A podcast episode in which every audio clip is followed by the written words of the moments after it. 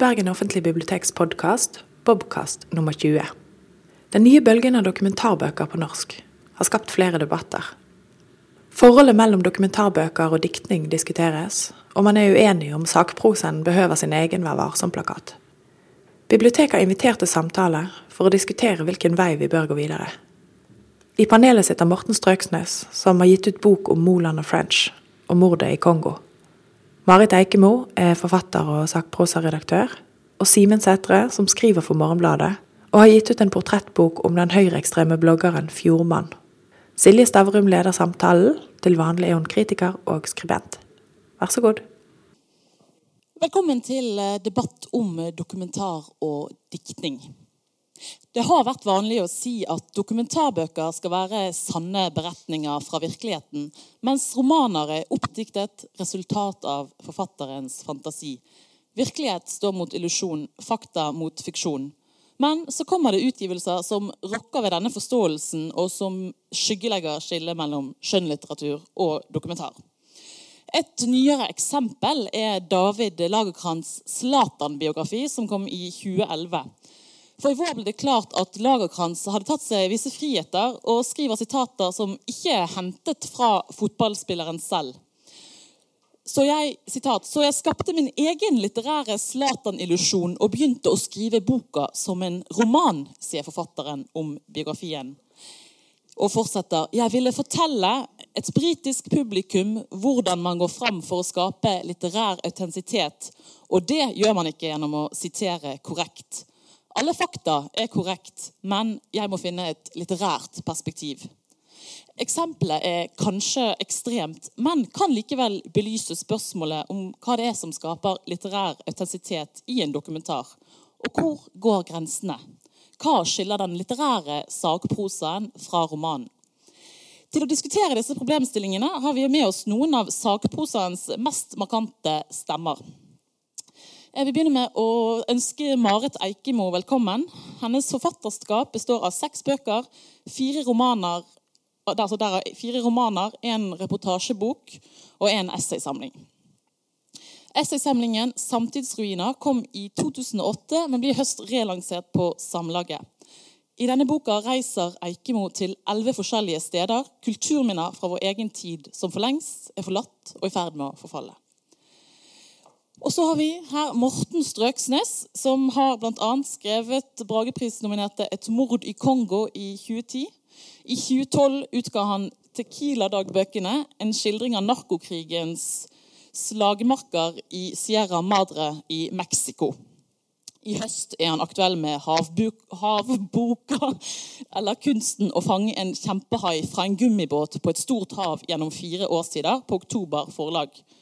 Og i midten Simen Setre, journalist i Morgenbladet og forfatter av dokumentarbøkene 'Fjordmann', portrett av en anti-islamist som kom i 2013, 'Petromania' fra 2009 og 'Hugo', biografi om en sprøytenarkoman som lever på gata i Oslo i 2006, og 'Den lille stygge sjokoladeboka' i 2004.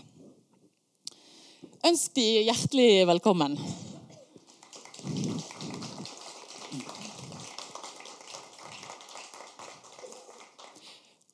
Og For at publikum skal få et lite innblikk i eh, hva som skjer i, eh, i sakprosaen, så har jeg bedt eh, hver av de lese et lite utdrag fra en av sine bøker. Og Vi kan jo begynne med deg, Marit. Så er det med deg 'Samtidsruiner'. Ja, Jeg skal lese fra ene, det ene essayet som heter 'Notat fra et kjellermørke', som handler om den store automatreformen i Norge, altså der spilleautomater fra den ene til den andre dagen ble fjerna fra eh, det offentlige bildet i 2007. Eh, så dette er inngangen til å fortelle denne historien. da. Jeg er i dårlig selskap. Jeg står i en kjeller på et lager for kasserte spilleautomater i Arna. Det er bare jeg og automatene her. Jeg har kjørt fra Bergen tidlig om morgenen for å komme hit. Jeg stoppa bilen et par steder og spurte om veien. Folk visste hvor det var, pekte og forklarte. Er helt til et nedlagt møbelbutikk, sa de. Det skulle ikke gå an å ta feil. Alle veit hvordan nedlagte møbelbutikker ser ut. Da jeg kom fram, ble jeg vist i kjelleren. Eieren fikk den digre mekaniske døra til å åpne seg sakte og støyende, og hundrevis av automater kom til syne i mørket. Du vil vel eh, gjerne være aleine med dem, sa han alvorlig. Jeg nikka. Jeg har kjørt hit for å se spilleautomatene i Kvitauget. Siden staten innførte totalforbud mot spilleautomatene fra juli 2007, har ikke denne gjengen tålt dagens lys. Nå står de her, tause og mørke side om side, som om de har lagra all verdens dårlig moral i automatkroppene sine. De er små, mørke menn som er forviste til det eneste naturlige stedet for slike kjelleren.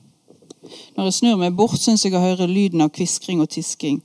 Jeg går helt bort til et par av maskinene og stirrer trassig på dem. Var det noen som sa noe? Noe som blinker eller klirrer med mynter? Var det du? Nei. Skjermen er svart, og jeg ser min egen refleksjon bak alle druene og appelsinene og bjøllene på skjermen.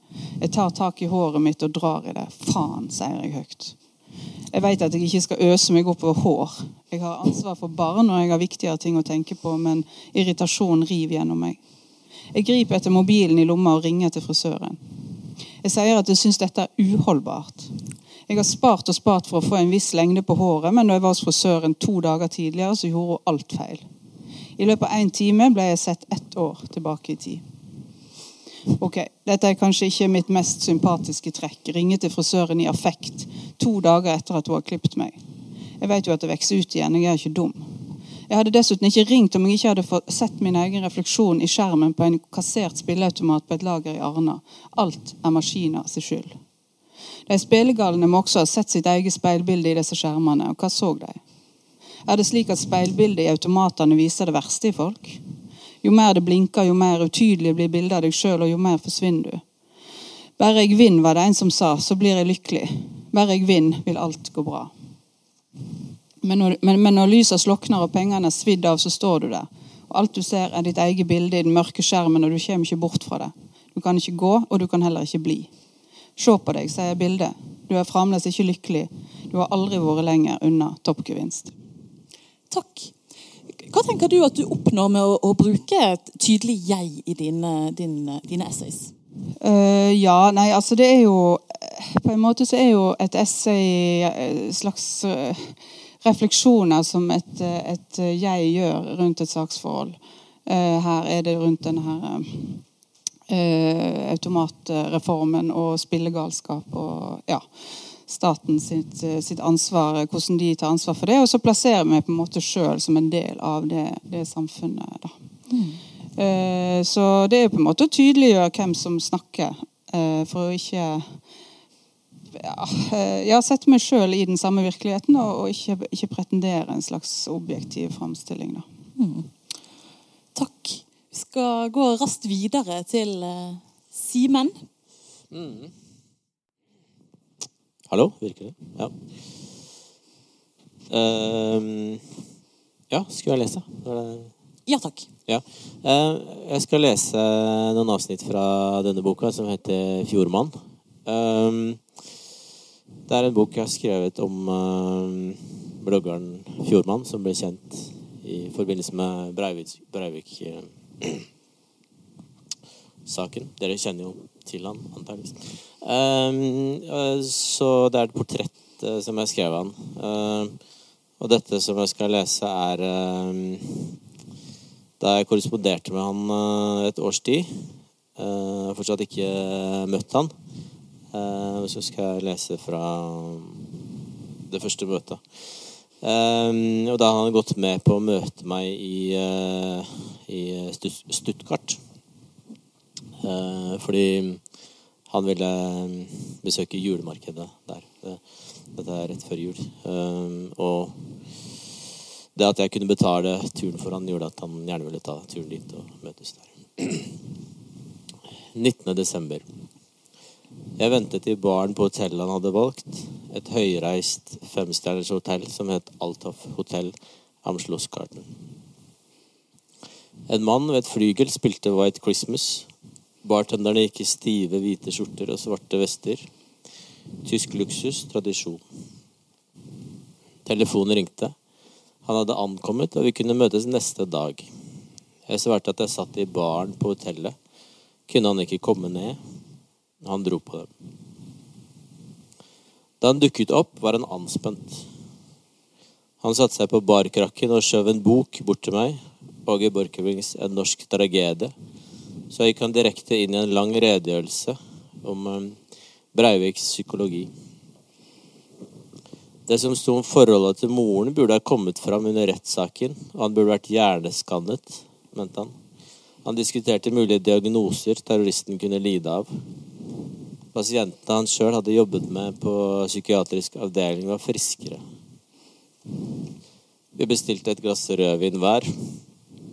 Han var lik som på bildet i VG for halvannet år siden. Det krøllete håret, de samme brillene, tett barberte kinn, og jeg syntes til og med å kjenne igjen skinnskoene.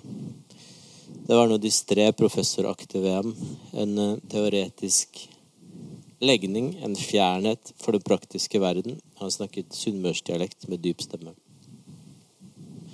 Når han kom inn på et tema han hadde kunnskaper om, snakket han i lange monologer og avsluttet hvert resonnement med et lite ja eller et nikk.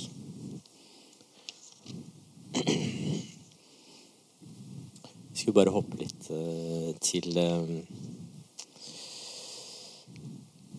Ja, vi hadde altså samtaler over, over tre dager. Uh, du sa det en gang mens vi satt der. Ja, sa jeg. Hva er det? Nei, ikke noe. Nei, si det, da, sa jeg. Dette er uvant, sa han, at jeg sitter og snakker om meg sjøl. Jeg pleier aldri å gjøre det. Julemarkedet lå mørkt i regnværet, forlatt. Et sted lyste et plastikkreinsdyr med kjelke oppå et tak. Tremenn og nisser sto dryppende våte. Et sted ble det servert gluvein. Folk sto tett og drakk i kulda. Gjennom vinduene til et telt så vi en fest med dans til tyske slagere. Han prøvde å ta et bilde av noen trefigurer, men det var for mørkt. Han ville gå tilbake neste dag. Han hadde studert lyset for å finne den beste tida å besøke markedet på, rundt klokka tre. Vi gikk inn på et utested. Det var fullt. Neste sted fulgte også der. Til slutt visste vi ikke lenger hvor vi var, og jeg tullet med stedsansen hans. Regnet høljet nå mot den svarte asfalten, og vi bestemte oss for å gå til hotellet. I stedet gikk vi feil og endte et annet sted i byen, hvor jeg til slutt kjente meg igjen og husket en pub jeg hadde sett tidligere på dagen nattevakten, hvor jeg hadde merket meg det fine, gamle skiltet med en gammel mann med fullskjegg og lykt. Stedet hadde forheng foran døra og luktet røyk og parfyme. Idet vi åpnet forhenget, så vi kvinner sittende i båser. I båser, lettkledde og ferme, og i den ene enden av lokalet gikk en pornofilm på storskjerm. Jeg unnskyldte meg. Jeg hadde ikke visst at det var et slikt sted. Vi gikk raskt videre. Vi fant en bar og ble sittende og snakke over ølen. Jeg spurte om han hatet journalister. Han svarte jeg har et anstrengt forhold til journalister. Hva slags utfordringer møtte du når du skulle skrive et uh, sannferdig portrett uh, av fjordmannen, og samtidig måtte jo komme inn på han som person? Ja, det, det er en lang Hva, Ta kortversjonen nå. Nei, altså um, uh, problemet er at jeg i stor grad måtte tegne et portrett ut fra andre kilder. Mm. I og med at jeg ikke hadde møtt han. Um, så, så, ble det et skyggeportrett da, som mm. gradvis utvikla seg til ja. noe videre. Ble det annerledes etter du hadde møtt han og vært på denne turen til julemarkedet? Ja, det, men det, det, var på en måte Bare å møte han der var på en måte en veldig sånn unntaksopplevelse. Fordi vi hadde en eller annen kjemi, og det var veldig interessant å, å snakke sammen der. Og så, eh, når vi reiste hvert til vårt, så var det på en måte tilbake til det veldig sånn fjerne ja, Etter hvert litt anstrengte forholdet. Mm. Så ja, det er mange utfordringer, men eh, jeg ja, kan stoppe Vi kan komme litt mer inn på de etterpå. Så skal Morten få lov til å lese fra boken som kommer på fredag, stemmer det? Ja, jeg tror den uh, kommer på, på, fredag. Kanskje torsdag ettermiddag. Og da, ja, Den heter som sagt uh, Havboka, og uh, siden det er på en måte litt innblikk i, i våre skriveverksted eller noe sånt rundt sakprosaen, så tenkte jeg at jeg like gjerne kunne begynne med starten. For det er alltid litt vanskelig for oss som skriver bøker. Det er så mange hensyn å ta. Man skal prøve å ja, noen fakta skal med. Det skal være et visst driv der, og man skal forsøke å skape en stemning. Så, eh, dette var da sånn jeg løste det denne gangen i den boka som kommer snart. da. Da begynner jeg å lese. Unnskyld, så folk her er blitt litt forkjølt. Tre og en halv milliard år skulle det ta fra det første primitive livet utviklet seg i havet, til Hugo Aasjord ringte meg en sen, søndags, unnskyld, en sen lørdagskveld i juli mens jeg var i et livlig middagsselskap i Oslo sentrum. Har du sett værmeldinga for neste uke? spurte han. Vi hadde ventet i lange tider på en spesiell type vær. Ikke sol eller varme, ikke engang fravær av regn. Det vi trengte, var minst mulig vind i havområdene mellom Bodø og Lofoten, nærmere bestemt Vestfjorden. Trenger man vindstille på Vestfjorden, bør man ikke ha det travelt. I flere uker hadde jeg sjekket værmeldingene. Det var meldt kuling eller frisk bris, aldri bare bris, flau vind eller stille. Til slutt glemte jeg nesten å følge med og falt inn i Oslos sløve ferierytme av varme dager og myke netter. Da jeg nå hørte stemmen til Hugo, som hater telefoner og bare ringer for å overbringe viktige beskjeder, visste jeg at langtidsvarselet endelig hadde slått til. Jeg kjøper billett i morgen og lander i Bodø mandag ettermiddag, svarte jeg. Fint, ses, klikk. På flyet til Bodø ble jeg sittende og se ut vinduet, ned på det jeg tenkte på som hevet havbunn. For et par milliarder år siden var hele jorda dekket av vann, kanskje med unntak av noen små øyer fjernt fra hverandre. Fortsatt utgjør havet mer enn 70% av jordas overflate. Noen skrev en gang at planeten ikke burde hete jorda. Den burde opplagt hett havet. Under meg var det fjell, skoger og vidder, helt til vi nådde Helgeland. Der åpner landet seg i fjorder og spulmende, spulmende hav mot vest. Til skillet mellom himmelen og vannet ble oppløst i horisonten i en skinnende gråfarge som minnet om fuglefjær. Hver gang jeg forlater Oslo og reiser nordover, får jeg den samme følelsen av å slippe fri. Fra innlandet, fra maurtuene, grantrærne, elvene, ferskvannene og de surklende myrene. Ut til havet, fritt og endeløst, rytmisk og vuggende som de gamle sangene fra seilskutetida. De som ble sunget tvers over verdenshavene inn til de klassiske havnene, slik som Marseille, Liverpool, Singapore eller Montevideo, mens alle på dekk halte i tauverk for å sette, trimme eller låre seilene. Litt til, eller? Vi kan godt eh, gå videre på spørsmålene. Ja. Eh, takk for et innblikk i eh, skriveverkstedet. Hva slags litterære teknikker benytter du deg av når du skriver dokumentar? Jeg vil si at jeg benytter akkurat de samme vi har akkurat samme verktøykassen til rådighet som en, skjønner, en fiksjonsforfatter. Da. Og em, det tror jeg er veldig tydelig f.eks. i den nye boka, for der finnes det kontrafaktiske eh, hendelser. Um, eh, altså, den, den, den, den prøver å, å bevege seg langt inn på det vi kan kalle skjønnlitterært territorium. da. Så, um, fordi at det, for min, sånn som jeg ser det, så skjer de mest interessante tingene i grenselandet mellom fiksjon og, og ikke-fiksjon. Det der er på en måte det, det, um, det er et slags litterært kraftfelt nå for tida. Og det, der går jeg, jeg rett inn eh, i, i lange partier i denne boka. Så da har mange sjangre i seg samtidig. Så den forsøker da å eh, vugge mellom på en måte på en mest mulig organisk måte. Det er jo det jeg forsøker å få til. Men Hva, hva er grensen til eh, Hva skiller det fra en, en roman, da?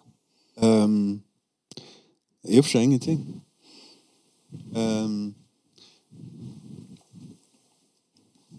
jo, det, det er noe som skildrer fra, fra en roman. Men det er masse som blir kalt uh, Altså, jeg har ikke dikta opp Eller noen steder har jeg gjort det, men etter hvert blir leseren klar over at jeg har gjort det. for å si det sånn. Uh, mens det er jo masse bøker som utgis i dag som kaller seg romaner, som bare er det på kolofonsiden, og ellers så utgir de seg for å være sakprosa. For eksempel, ja, Vi snakka om det så vidt før vi gikk inn her.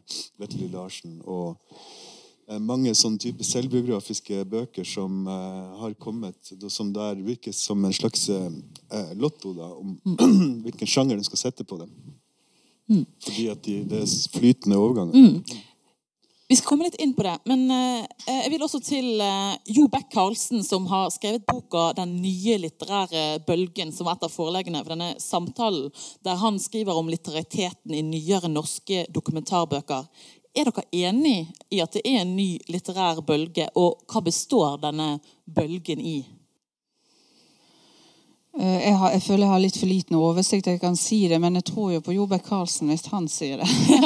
Så, eh, men eh, det som, mener, altså det som uansett gjelder for sakprosaen, og som ikke gjelder for, for, for skjønnlitteraturen, det er jo at det, det finnes jo en kontrakt eh, mellom Altså en avtale mellom leser og forfatter om at det, det som står her, skal kunne etterprøves. Og så er det jo klart at man kan eh, eh, det er jo grenser for hvor virkelig ting kan bli på en måte når man skriver om det. Og så er jeg opptatt av de litterære mulighetene som, som, eh, eh, som, som finnes. Men det er ikke dermed sagt at det er det samme som fiksjon. At det er også en veldig viktig grense å, å dra. det. at man snakker om litterær sakprosa, eh, litterære virkemidler, litterære muligheter som sakprosaen gir, men at det ikke dermed at, at, I og med at du er personlig, betyr ikke at du dermed skriver fiksjon, f.eks. Det var altså bare en kort kommentar til det. Det er jo en veldig skrøpelig kontrakt i så fall. Eller hvis vi tar ja, for eksempel min siste bok. Det er jo veldig mye der som, eh, som jeg da hevder er sant, som overhodet ikke lar seg etterprøve. Da er det mer en slags, slags eh, spørsmål om psykologisk troverdighet eller, eller autentisitet på en merkelig måte. Som, men etterprøvbar er den ikke. Og eh, i høyeste grad i, i, i lange partier subjektiv også. Og hvor etterprøvbar er subjektiviteten, kan man spørre. Mm. Simen, har du noen tanker om uh, ja, det, om det var en bølge, ja. Eh, altså, altså, ja. er, det noe, er det noe nytt i måten å skrive litterær sakprosa på i dag som vi ikke så for 30 år siden? så, Hvor var veien? Ja og nei, altså. Eh, sånne type bøker har blitt skrevet uh, før også. Uh, det som man kanskje ser Altså hvis vi snakker litt mer globalt, da. eh, det var at eh, man fikk uh, nyjournalistikken som prøvde å mm, via diverse teknikker prøvde å beskrive eh, Komme nærmere livet, på en måte. Beskrive det som virkelig skjedde. Og så Um, har den på en måte blitt innhenta av eh, større krav til etterprøvbarhet. Og så har det oppstått en, en sjanger som bruker eh, en del av de samme litterære grepene, men også krever av seg sjøl at, eh, at eh, informasjonen er etterprøvbar. Um, og så kan man si at en del av det også virker i Norge. Da. Jeg vet ikke om man da skal kalle det en bølge. Eller, Det er alltid, alltid mer morsomt hvis man sier at det er en bølge, for da, Ja. da skjer det noe. Ja, nettopp. Han skal jo utgi denne boken også. Morten? Ja, altså jeg, synes, jeg mener helt klart at det har skjedd en, en, en, en kraftig utvikling eh, i, i liksom bredden og litterariteten i sakprosaen. Jeg er vel eldre, ganske betraktelig eldre Jeg er i hvert fall eldst her, og da jeg utkom min første bok for 16 år siden. Det var en, en litt sånn litterær reiseskildring, men politisk eh, ja, en reisebok fra, fra mange land i Midtøsten. Da, på den tida For det første så jeg kalte den boka en reiseskildring. Og den samme dagen den kom ut, så ringte Jens A. Risnes, sant, reiseguruen, og var så glad for det. For det hadde ikke kommet en bok som kalte seg selv reiseskildring på 30 år eller noe sånt. Mm. Også, Mulig han overdrev. Men han mente ML-erne da hadde ødelagt en sjanger. Hvis vi ser, ser, ser på, et, eh, på det norske, da, den norske bokfloraen på den tida litt mer generelt, så var det lite litterær eh, sak, det som i dag kalles litterær sakprosa, som det er masse av i dag. Det var det veldig lite av den. Det var liksom politikerbiografier, så var det ordentlige sak... Eh, altså eh, eh, fakta Unnskyld. Altså akademiske bøker, politikerbiografier og noen få sånn, Og meta-essays. Altså mm. skjønnlitterat mm. skrev om annen type litteratur, så og utga det som essays. Det var også en sakprosessjanger Men det var mye mye fattigere og smalere og, og mindre vitalt. Mm. Det er klart. Mm.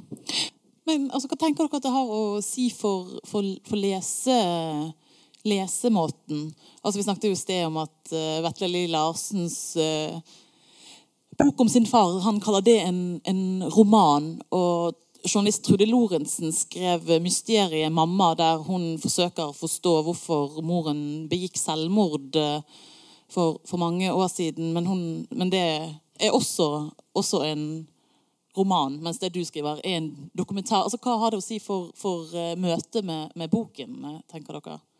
Nei, så du går jo i møte med, med litt forskjellige forventninger, da.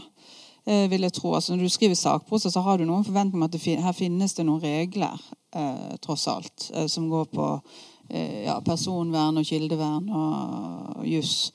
Uh, mens, uh, som man må forholde seg til. Men, men, for å skrive god sakprosa så kreves jo litt mer dokumentasjon. Uh, det, skal jo, um, det, skal jo, være sammenheng og, og, forståelse også. Og det er jo ulike måter å, å skape den på. Gjennom f.eks. personlige framstillinger. Og, og, det er jo klart at disse analysene eller disse linjene man trekker personlige tankerekkene, kan jo dra så langt at det går ut i fiksjonen. Sant? Så det er jo klart, jeg mener jo, Da er det der på en måte grensene går. Men eh, det må jo, det må, hvis det skal være interessant å operere med en forskjell, så må det jo ha en forankring i virkeligheten, da, denne sakprosaen. Mm. Uenig?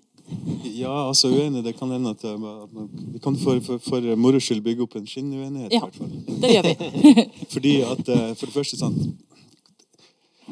eh, virkeligheten, hva, hva, hva, betyr den? Er det subjektiv, eh, ikke-eksisterende? Selvfølgelig ikke. Jeg tror ikke det er det du, du, du, mener på noen måte, men det er hele tida Med en gang man begynner å pirke litt borti det du sa, som jeg i og for seg i utgangspunktet er ganske enig i, så, så, så går det i oppløsning. Ja, det er jo fordi at også sånne begreper som sannhet kommer inn, og da er man over i estetikkfeltet nesten med, med en gang. Og som virkeligheten og sannhet er ikke nødvendigvis eh, de samme størrelsene heller. Mm. Sånn for egen del, Denne boka diskuterte jeg ganske nøye med forlaget hvilken sjanger den skulle ha. Mm. Roman var uaktuelt, men sånn sakprosa heller ikke så treffende. I og for seg at jeg forsøker å, eh, å bryte sånn bevisst inn i ut og inn av, av, de skrankene og grensene. på en måte. Så uh, selve boka har ingen uh, sjangerbetegnelse. Men den må jo ha det sånn overfor innkjøpsordning og i en katalog. Ja, Det er jo det jeg tenkte å si. Hva sa markedsavdelingen? For det er jo de som uh, til slutt Ja, det var greit. Ok. Men du Marit, var inne på det med kontrakten med leserne. altså At forfatteren da opplyser om at dette er historier fra virkeligheten. At det eneste ofte de det som skiller en litterær dokumentar fra en, eh, en eh, roman. Og uh, Aivo de Figureido Hvordan sier man det på en god måte? Okay. Han har jo sagt at vi må slutte å jukse sakprosaen inn i, i kjente og kjære narrative former, men heller avsløre egne grep. Altså, Hva tenker dere om det? Altså, når dere skriver, bør dere da vise fram disse grepene og egen usikkerhet, og, og vise hvordan ja, teknikker dere bruker? Uh, Simen. Uh, jeg tenker at uh, det kan være aktuelt å bruke sånn selvreflekterende ting, fordi Også fordi det er riktig som, som Morten sier, at det, man stadig kommer inn i landskap som der man beveger seg i, i grenseland osv. Da kan man reflektere over hvor sikker informasjonen er, eller ja, vise fram sin egen posisjon da, innen, mm. innen dokumentar. Yeah. Så jeg alltid savner jeg ekstremt eh, Jeg liker veldig godt å lese eh, skjønnlitterær virkelighetslitteratur. Altså mm. på andre sida, men jeg irriterer meg samtidig over uh, altså, hvor mye er sant, og hvor mye er ikke. Når jeg ikke får svar på det, så Ja, det skulle jeg gjerne hatt svar på. da. En eller annen sånn refleksiv ting der. Mm. Eh, og da vil jeg, litt inn, jeg vil bare litt inn på arbeidet ditt med Fjordmann. for det, Jeg leste i en omtale at det står at du rammes av et sånt litterært Stockholm-syndrom, og at du eh, på et punkt frykter at du i redsel for å støte Fjordmann fra deg hadde begynt å lyde som en, en fan. Er det, altså, er det der et eksempel på hvordan du problematiserer og altså, viser på en måte egne refleksjoner om han du skal uh, portrettere? Ja, altså det, det er jo det, det kan, Man kan sikkert også se det som en metode, men det er også Jeg skriver det også fordi det er interessant å vise altså, forhold mellom kilde og um, altså dynamikk da, mm. mellom um, personer. Men, uh, men jeg også tro på at uh, man, man, kan vise fram prosessen med hvordan teksten blir til. Da. Mm. Morten? Ja, altså jeg tenker at Man skal ikke liksom binde seg til noen regler som uh, eh, f.eks. en Aivo uh, uh, foreslo eller anbefalte i det lille sitatet. For det kommer jo an på hva som funker fra situasjon til situasjon. Det kan hende at i en bok Og jeg har et, et veldig parallelt eksempel til det Simen fortalte om fra, fra den Kongo-boka, mm. der jeg reiser ned til Kisangani, og da havner i ganske eh, bra trøbbel etter hvert. Og for, jeg bruker også ordet Stockholm-syndrom, for da på en måte blir jeg da fanga inne på cella av eh, og mer mer, går mer og mer i symbiose med Moland og French. Mm. Så da, og når jeg da skal skrive ut dette, som er noe helt annet, da har man jo alle valg til å ta med alt eller ingenting av det der. Så velger jeg heller å ta det med, selv om det ser tull, litt sånn tullete ut. Jeg vet det er mange som kommer til å reagere, at det kan brukes mot meg. At jeg, at jeg blir så, så buddy eller så dus med dem. da. Eh, men samtidig tenker jeg eh, så tjener jeg på å gjøre det fordi at det, for det første er det bra lesning og viser at ting begynte å, å flyte ut fullstendig for meg. Og for det andre så tror jeg en leser har veldig bra eh, detektorer for eh, oppriktighet. Eller han er veldig, veldig god til å sniffe det, eh, forskjønninger av seg selv osv. Mm. Ja, Det har jo litt med altså, hvordan man skaper tillit i eh, altså, For det er jo også veldig viktig. altså Troverdighet mellom, uh, i teksten. Og det er jo med ja, sjølframstilling, sjølrefleksjon. Altså hva type hva, hva, det, hva, slags innsikt gir det å være den sjølrefleksjonen du gjør, da. Eh, det, det, mener jeg også har med troverdighet å gjøre. Og, eh, men jeg tenker også sånn som sagt at det er ingenting som er gitt når det gjelder framstilling av sakprosa. Jeg tror alt eh, veldig mye er, ligger åpent. Men jeg vil nå likevel holde fast på at det har noe med virkeligheten å gjøre. Så ja. ja. Det har jo, har jo, det, men hvis vi tar den situasjonen der, så um, Refleksjon kommer jo etterpå. Og der kunne jeg framstått som veldig smart og, og, og, reflektert i en situasjon der jeg overhodet ikke var det. Sant? Ja, men det tenker ja. For meg ble, mm. ble å vise at jeg, at jeg, ikke på en måte var det. At jeg, var, at jeg selv var ute av kontroll. Ja, og det tenker jeg også i forhold til den lille sekvensen som jeg las. Uh, altså det, I de grad du bruker deg sjøl, så skal det tjene teksten. Det skal ikke tjene deg sjøl. Du må jo ta med både ting som er litt mindre flatterende også. Og det har igjen med hvordan man bygger tillit til, uh, til leser. Hmm. Beck Carlsen tar vel opp det poenget at, uh, at også jeg forteller en litterær karakter. Mm. Jeg var ikke så imponert over den boka hans for sånn generelt. Jeg synes det var et veldig skuffende eh, verk. Um, bruke sånne sjablonger som, som man presser på en måte de forskjellige typer, helt ulike typer bøker inn, inn i, mm. uten at det uh, passer bøkene. Mm. Det sier mer om, om, om på en måte spennvidden innenfor det feltet. Uh, han forsøker å da beskrive og, og analysere enn hans egen spennvidde. på en måte.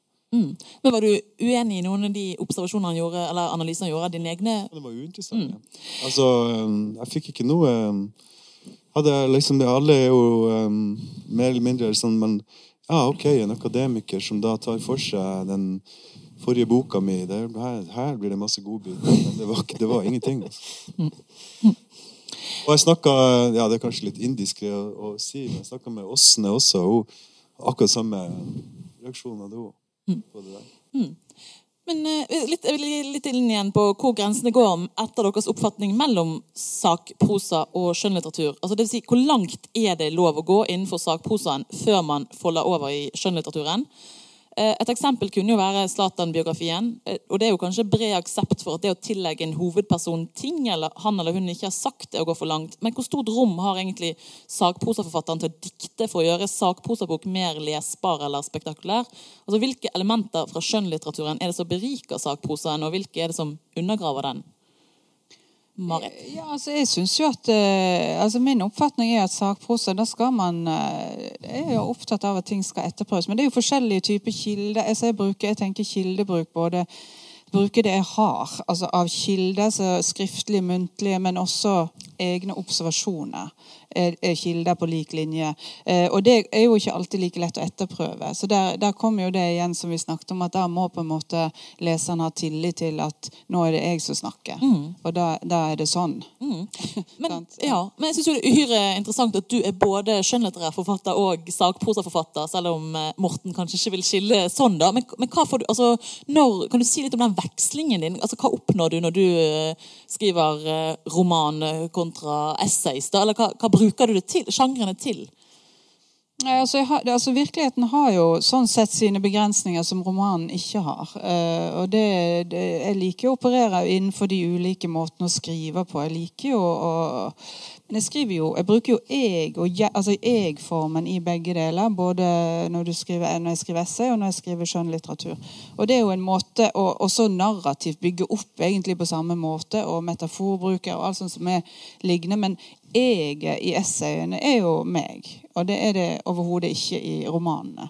Men det er samme måte på en måte å bygge opp et eg på og alt, eh, alt det der. Men eh, eh, ja, jeg, jeg har jo til og med skrevet et essay der på en måte jeg synes Jeg kom liksom, Jeg kom ikke videre med virkeligheten, så da måtte jeg som en spin-off lage en roman roman. For å utforske videre. Ja. Mm.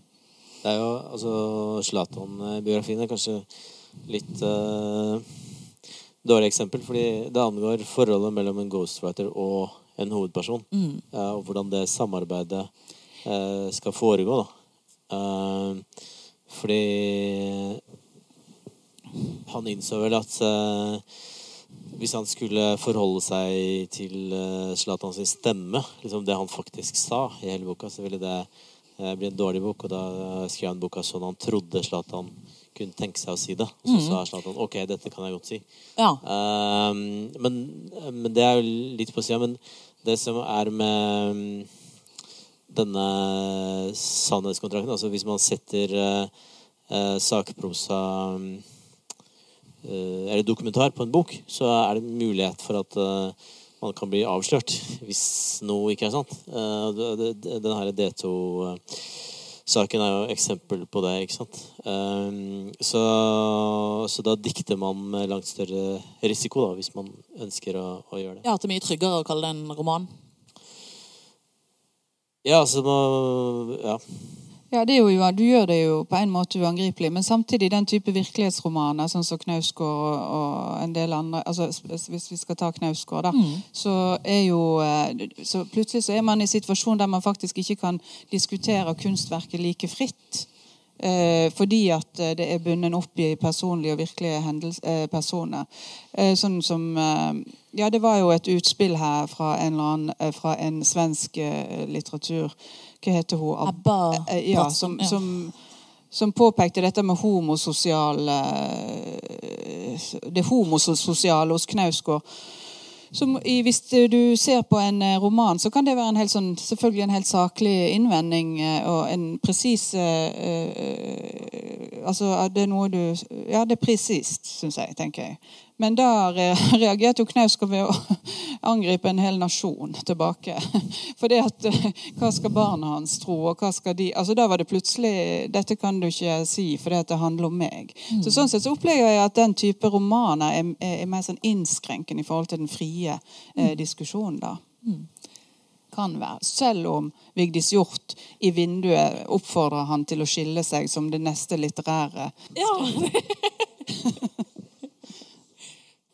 Ja, altså jeg tenker at eh, det, det, det er alltid litt vanskelig å snakke generelt om, om disse her type reglene og etikken og uh, virkelighetskontrakten og hvor uh, dypen sitter og hvilken karakter den har. For det, det skiller seg veldig fra prosjekt til prosjekt og bok til, fra bok til bok.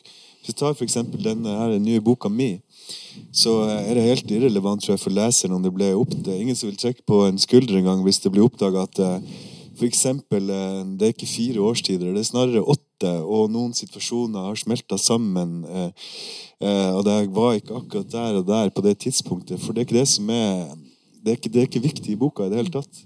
Det som er viktig i boka, er noe helt annet. Å prøve liksom å få boka, teksten, under vannet. Det er havet på, på en måte hovedpersonen. Men hvis da, da jeg skriver en bok om, om statsministeren og hennes statssekretær, som, som da har et intenst eh, Da skal vi si ja, lesbisk forhold, da, eller et eller annet sånn type påstår ting som slår rett inn i virkeligheten og politikken og, og livene til folk, så blir det noe helt annet. Da må man eh, da må man virkelig skjerpe seg og ha, kunne, kunne liksom bevise eller ha bakgrunn for det man skriver, eh, solid.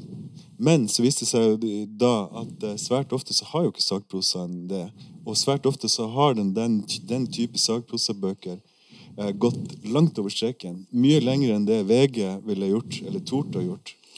Så da, da, da har det på en måte ikke blitt en spesiell etisk sjanger, men en spesielt uetisk sjanger i forhold til alle andre når det gjelder å omtale virkeligheter. Sant? ja.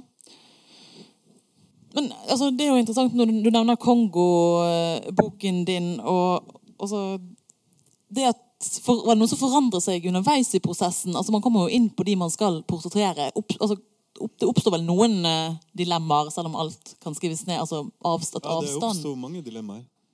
Eh, og det, jeg vet mye mer. Jeg vet ting der som ikke står i den boka. Av etiske årsaker.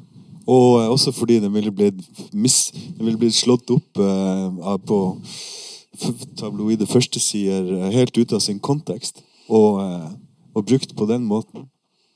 Og når man så skriver om to dødsdømte folk som sitter og, og råtner i et eh, fangehull etter en parodisk rettssak, og man vet samtidig at det som blir skrevet, på en eller annen måte vil sive tilbake til Kongo, ri- riktignok i pervertert form, så har man jo naturligvis et etisk, stort etisk dilemma allerede i utgangspunktet. Det er, det er jo en slags sånn lengsel som i hvert fall jeg føler, da. At, eh, at jeg kunne tenke meg å skrive mye mer av, av det jeg vet, men så er det hele tiden ting som sperrer, altså ting som må tas vekk. Um, og da, da, da, da føler man at man skulle få vekk de sperrene og nærme seg mot skjønnlitteraturen, Mm. på en eller annen måte. Det kommer jo spesielt inn i med Vær varsom-plakat og sånne ting. Det er litt videre rammer i Ja. dokumentarlitteratur. Ja. ja, trenger man en Vær varsom-plakat for sagprosaen, slik det har vært eh, debattert? Sånn som man har for journalistikken?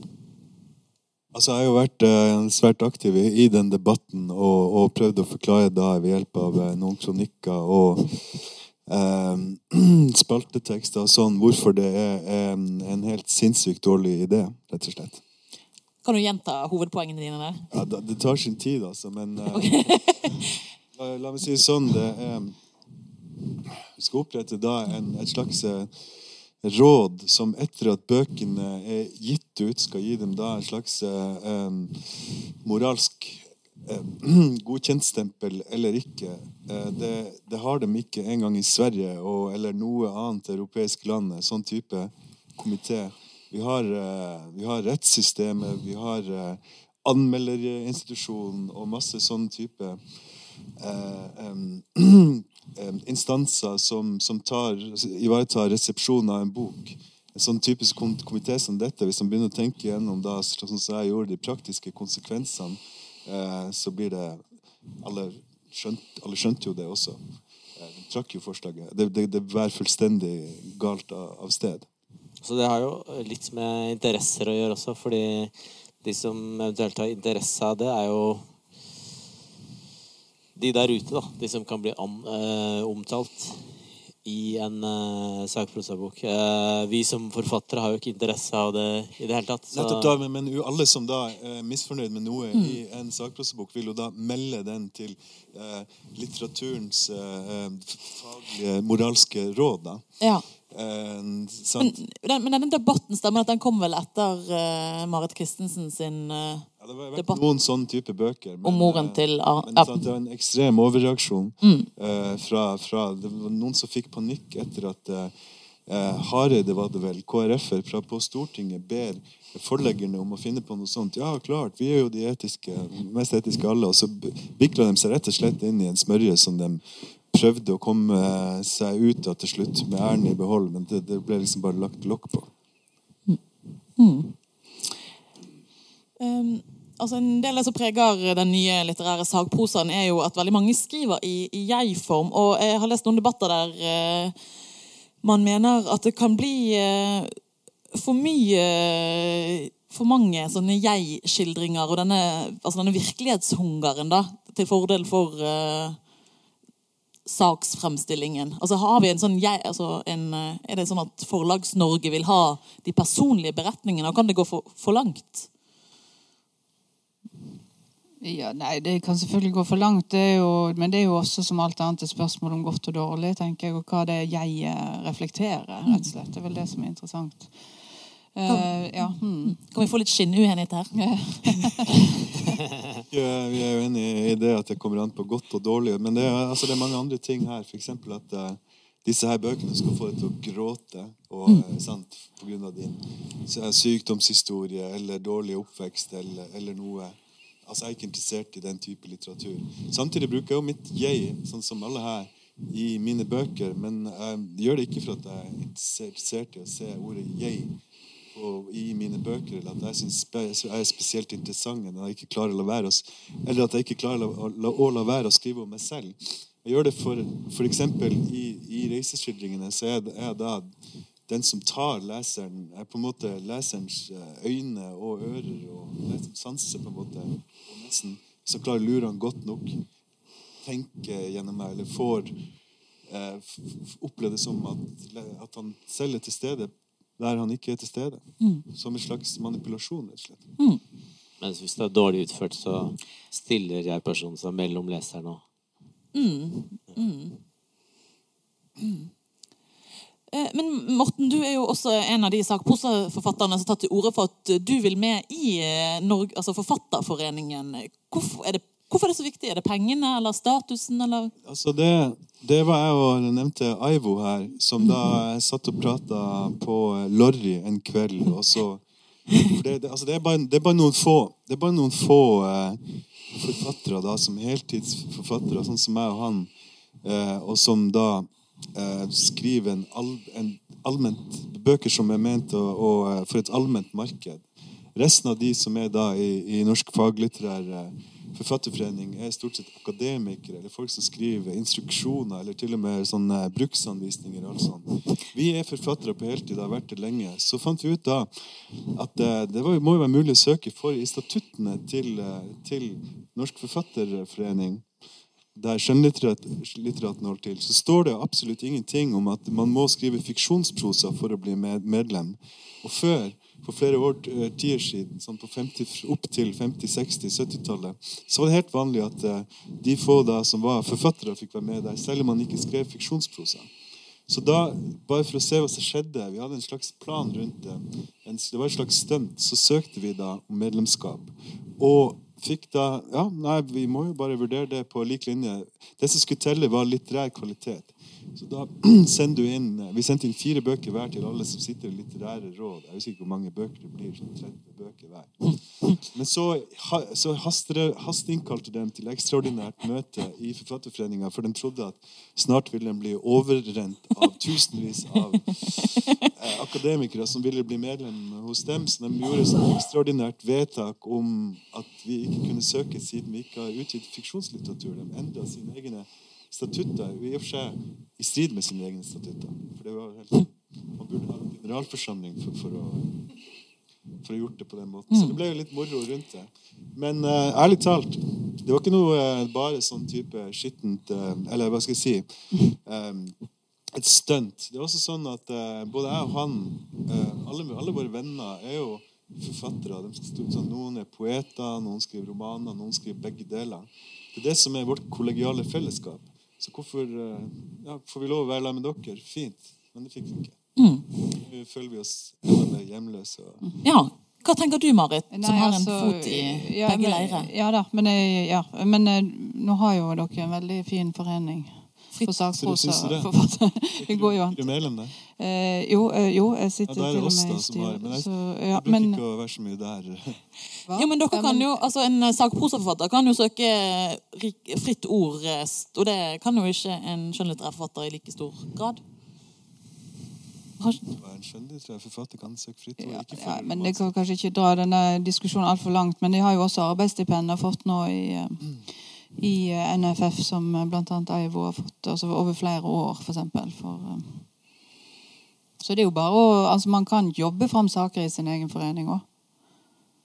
Og så har man blitt medlem i, eh, i Forfattersentrum, og det er jo kjempefint. Problemet er at eh, kulturpolitikken setter opp skiller som ikke fins i Mm. virkeligheten. Eh, og da, hvis man begynner å gå inn i det, så ser man at, eh, at man må gjøre noe med, med de tingene. da. Ja, Så kriteriet da, for det er jo en ganske um, Det er ganske mange ordninger da som en som skriver um, ikke-fiksjon, er hindra fra å være med på. Rett og slett uh, kan man da tolke som at det er staten uh, sine da Og det er ganske store penger. Det, for enhver pisk og støtte er fiksjonslitteratur. Og det blir- litt sånn absurd kriterium. Ja, altså jeg er jeg er ikke så opptatt av å skille mellom sak og skjønn. Tvert imot så syns jeg det er viktig at vi har eh, et forfatterbegrep, et utvidet forfatterbegrep. Og at det var i hvert fall veldig viktig i forhold til Forfattersentrum at man kunne søke om opptak der, for da man, er man med i en sånn formidlingstjeneste som også formidler sakprosa til arrangementer og skole. Og... Så det er jo et stort framskritt, er ikke du enig? Um, jeg er usikker, jeg, jeg har ikke søkt å melde meg. jeg vet ikke hvorfor jeg skal, jeg skal gjøre det. Liksom. tiden går, eh, folkens. Men vi ble også bedt om å, om å diskutere veien videre. Og hva tenker dere blir viktig for at den litterære sakprosaen skal få utvikle seg eh, og bli bedre? Nei, altså, du ser på meg. Jeg har ingen, har ingen an- anelse. Ja, men Hvor tror dere, altså, hvis man, ja, hvor tror dere eh, Jeg tror det går av seg selv. Vi lever i, i um, verdens rikeste land, og vi har Det var ikke sånn at jeg Det, det hørtes ut som at jeg å, ikke unte skjønnlitteratene deres penger og sånn. Vi, vi, alle, alle som vil få til noe i dette landet, som har et driv i seg til å skrive, det, de får det til på en eller annen måte. Men på lørdag mente du i hvert fall i Klassekampen at essayistene måtte vende seg litt mer mot verden istedenfor Nei, ikke essayistene. Mer essay som sjanger bør Ja. klippes litt fri, slippes litt løs på verden. For det er på en måte kanskje litt feilparkert. Nesten alle, alle tekster og bøker som kaller seg selv essay, er metalitterære. Og sånn har det blitt også pga. statlige støtteordninger sånn helt tilbake fra 70-tallet. For før, som jeg var innom i sted, så var det bare det er skjønnlitteratene når de skrev det som ikke var fiksjonslitteratur, men stort sett da tekster om litteratur, litteratur sakprosatekster, så fikk de en egen eh, innkjøpsordning som alle andre var ekskludert fra. Um, dermed så ble det på en måte en slags eh, tradisjon eh, at et essay er en eller annen eh, bibliotektilknytta Unnskyld eh, eh, tekst der man begynner og slutter med å sitere Walter Benjamin. Og, og Men hva, hva tema er det du vil se da i, i essayene i neste ti årene? det kan være absolutt hva som helst. Jeg, ikke, prøver ikke å få folk til å skrive noe som de ikke er interessert i å skrive. Men som sjanger så, så, så ville essayet ha tjent på en større eh, indre frihet i sin egen definisjon. Da. Så hvis, ok, Jeg kom på et eksempel, for jeg var- var i denne debatten ikke på noen scene, men rundt et kafébord i, i, i går. Ja, Morten, hva er det du liksom vil? Eh, gi oss noen eksempel. Ok. Jeg har vært for eksempel opptatt av havet, som du har skjønt. Også av eh, laks, f.eks. Villaks. Sånn, de der fantastiske, vidunderlige skapningene i havet.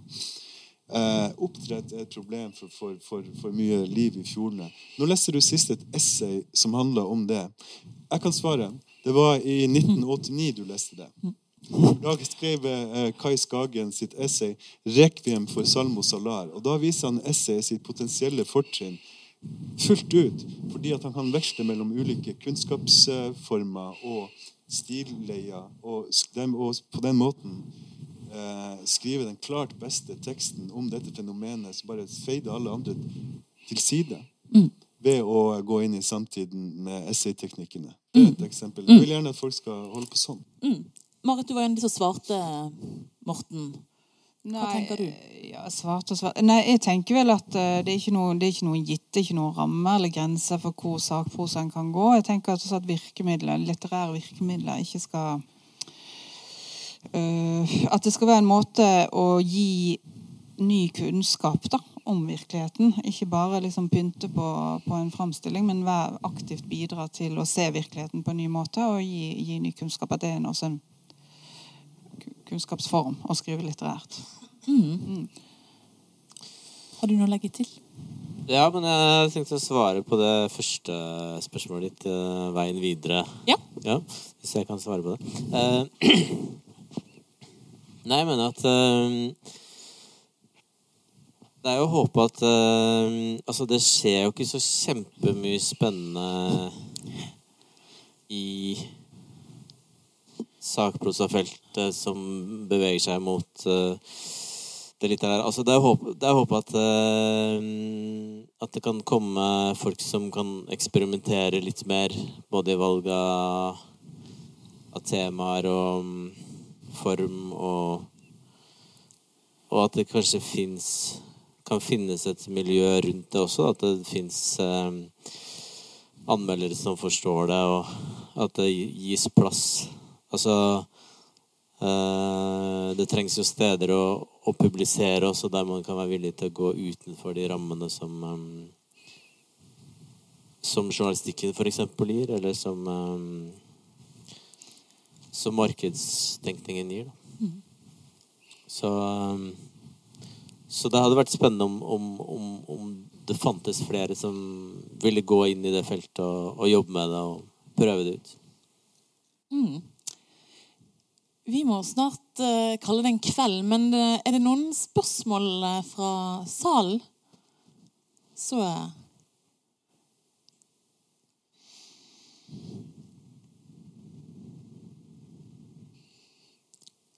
Har dere blitt litt klokere på litterær sakprosa?